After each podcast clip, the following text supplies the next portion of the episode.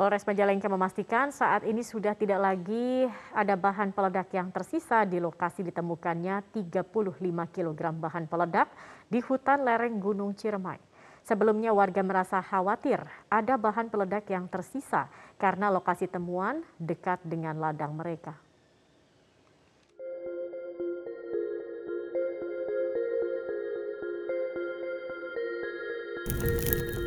Dusun Malaharayu, Kecamatan Sindangwangi, Majalengka, Jawa Barat, kini tampak sepi. Berbeda dari sebelum ditemukannya 35 kg bahan peledak di tengah hutan lereng Gunung Ciremai. Warga khawatir masih ada sisa bahan peledak yang belum ditemukan. Pasalnya, ladang milik warga tidak jauh dari lokasi ditemukannya bahan peledak milik napi teroris Imam Mulyana.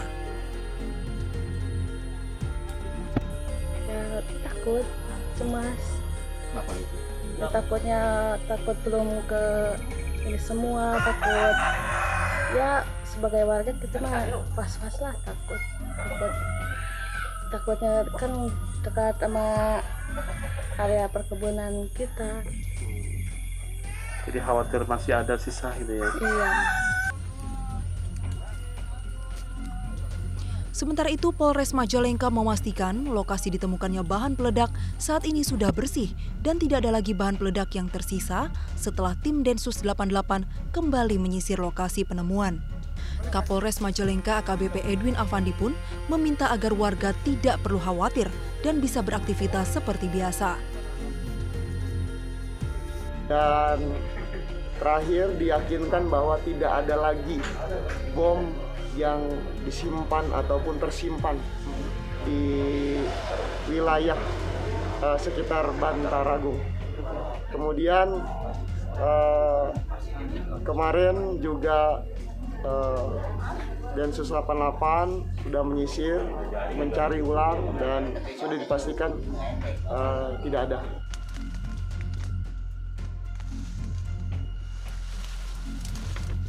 2 Oktober lalu, bahan peledak dengan daya ledak tinggi atau yang dijuluki Mother of Satan ditemukan oleh tim Densus 88 Anti Teror Mabes Polri bersama Brimopolda Jawa Barat. Penelusuran dilakukan atas pengakuan terpidana teroris Imam Mulyana yang ditangkap pada 2017 lalu. Lokasi penyimpanan 35 kg bahan peledak ini berada di tengah hutan Blok Cipager yang berjarak 7 km dari permukiman warga setempat. Pemirsa Wakil Gubernur DKI Jakarta Ahmad Riza Patria membenarkan ada lima atlet ibu kota yang kedapatan positif COVID-19 dalam penyelenggaraan PON ke-20 di Papua. Wakil Gubernur DKI Jakarta memastikan kelima atlet tersebut terpapar di Papua lantaran saat berangkat dari Jakarta seluruh tim dalam keadaan sehat.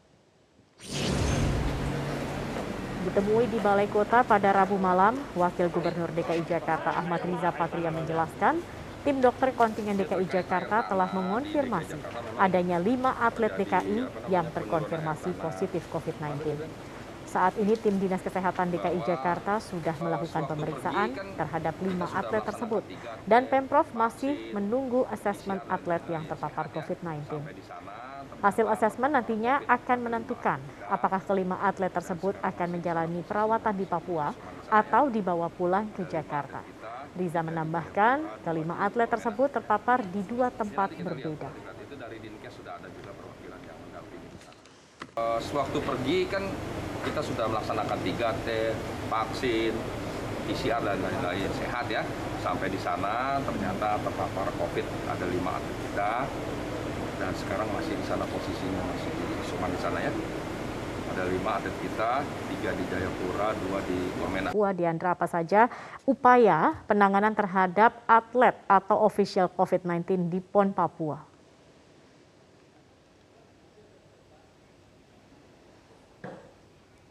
Baik, selamat sore Zakia dan juga pemirsa. Upaya penanganan serta pencegahan penyebaran COVID-19 pada PON Papua yang sebelumnya telah menjangkiti sejumlah atlet official maupun juga panitia penyelenggara terus dilakukan oleh pemerintah baik dari PB PON ke-20 Papua lalu juga dari Kemenpora serta Kementerian Kesehatan. Penanganan COVID-19 bagi para atlet official dan juga panitia penyelenggara yang terjangkit COVID-19 ini dilakukan di sejumlah kapal kapal yang telah disiapkan oleh Satgas COVID-19 serta PB PON PB PON ke-20 di Papua ini, lalu juga untuk selainnya juga ada rumah sakit rumah sakit mitra yang telah bekerja sama dengan PB PON ke-20 di Papua ini. Selain itu juga ada sejumlah atlet atau official yang mengisolasi mandiri atau yang menjalani isolasi mandiri sendiri yaitu untuk para orang-orang yang tidak terjangkit atau maksud saya tidak bergejala maupun juga bergejala ringan namun tetap dipantau oleh tenaga kesehatan yang bersangkutan. Lalu juga sementara untuk mencegah penyebaran COVID-19 pada PON ke-20 di Papua ini, testing dan tracing juga terus dilakukan agar tidak tercipta klaster COVID-19 di gelaran PON Papua. Lalu sebelum pertandingan, para atlet maupun juga ofisial dan panitia penyelenggara juga dilakukan swab antigen secara rutin. Lalu apabila positif juga akan dilakukan PCR untuk selanjutnya dan memang di sini untuk protokol kesehatan terus dilakukan secara ketat dan dari PB PON sendiri maupun juga Kemenpora dan Kementerian Kesehatan telah mengantisipasi bagaimana penanganan dari apabila ada atlet maupun official maupun juga panitia penyelenggara yang terjangkit COVID-19 di sini sudah disiapkan semua. Zakia. Ya, Diandra kemudian pasca ditemukannya klaster COVID-19, bagaimana respon dari Menpora yang hingga saat ini masih berkantor di Papua.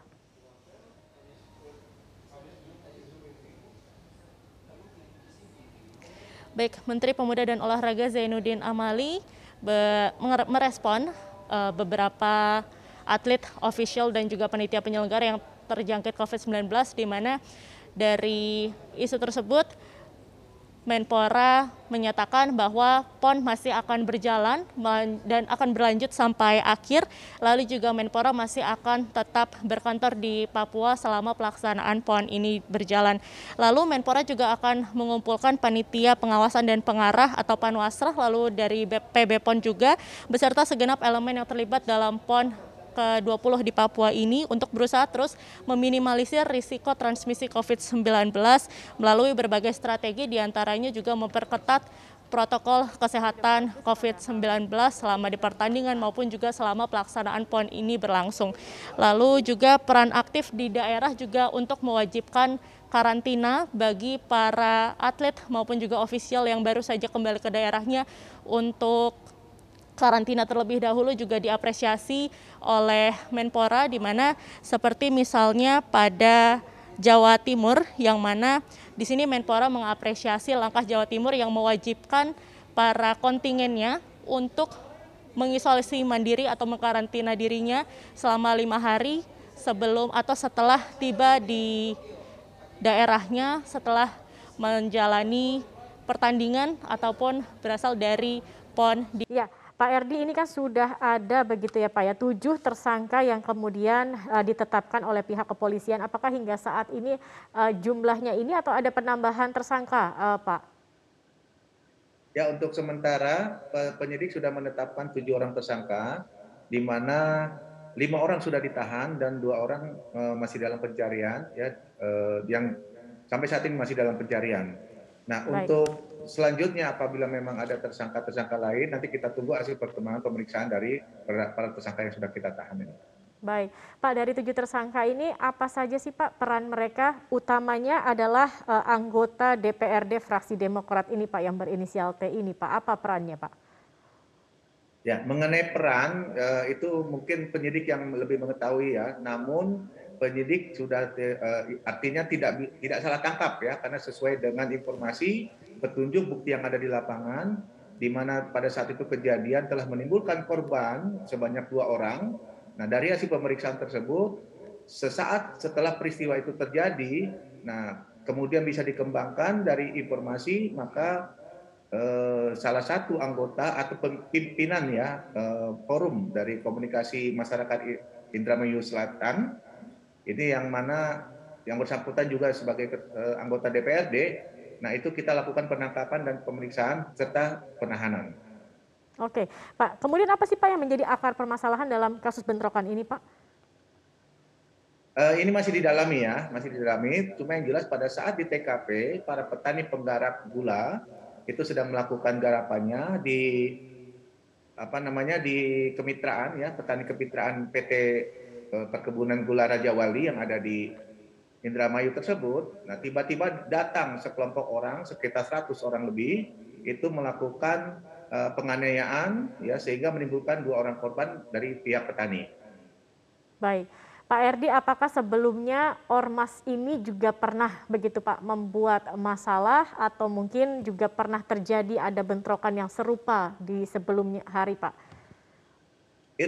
Ya, informasi yang didapat memang kita mendapatkan informasi seperti itu ya. Namun penyidik sekarang sedang menyelidiki, mengembangkan dari persoalan yang sudah terjadi kemarin yang menimbulkan korban, ya sehingga kita bisa mengevaluasi, menganalisa penyebab-penyebab terjadinya secara keseluruhan, secara komprehensif. Apakah uh, sebelum-sebelumnya memang sudah ada masalah? Ini sedang kita tidak lanjuti dengan meminta keterangan-keterangan dari saksi yang ada di lokasi tersebut. Baik. Pak Erdi, uh, F Kamis ini sendiri sebenarnya organisasi seperti apa sih Pak? Uh, ini lagi didalami juga oleh penyidik ya, karena biar gimana pun juga yang merupakan atau yang menamakan forum komunikasi uh, masyarakat Indramayu Selatan, apakah ini yang bersangkutan merupakan LSM lembaga swadaya resmi atau tidak, terdaftar atau tidak, ini akan sedang diselidiki oleh penyidik untuk didalami. Baik. Eh, terkait dengan dua tersangka yang tadi Anda katakan masih buron begitu Pak, seperti apa perkembangan pencarian dua orang ini Pak Erdi? Ya, penyidik dari Polres uh, Indramayu sekarang sedang mengejar, ya sudah mengetahui lokasi-lokasi di mana tempat persembunyian. Nah sekarang sedang uh, berusaha untuk menemukan pelaku-pelaku tersebut. Nah kita uh, ya menyarankan supaya yang bersangkutan menyerahkan diri sebelum kami yang menangkapnya. Demikian. Baik. Dan apakah kemudian ada peningkatan pengamanan Pak yang dilakukan di lokasi Pak eh, Erdi?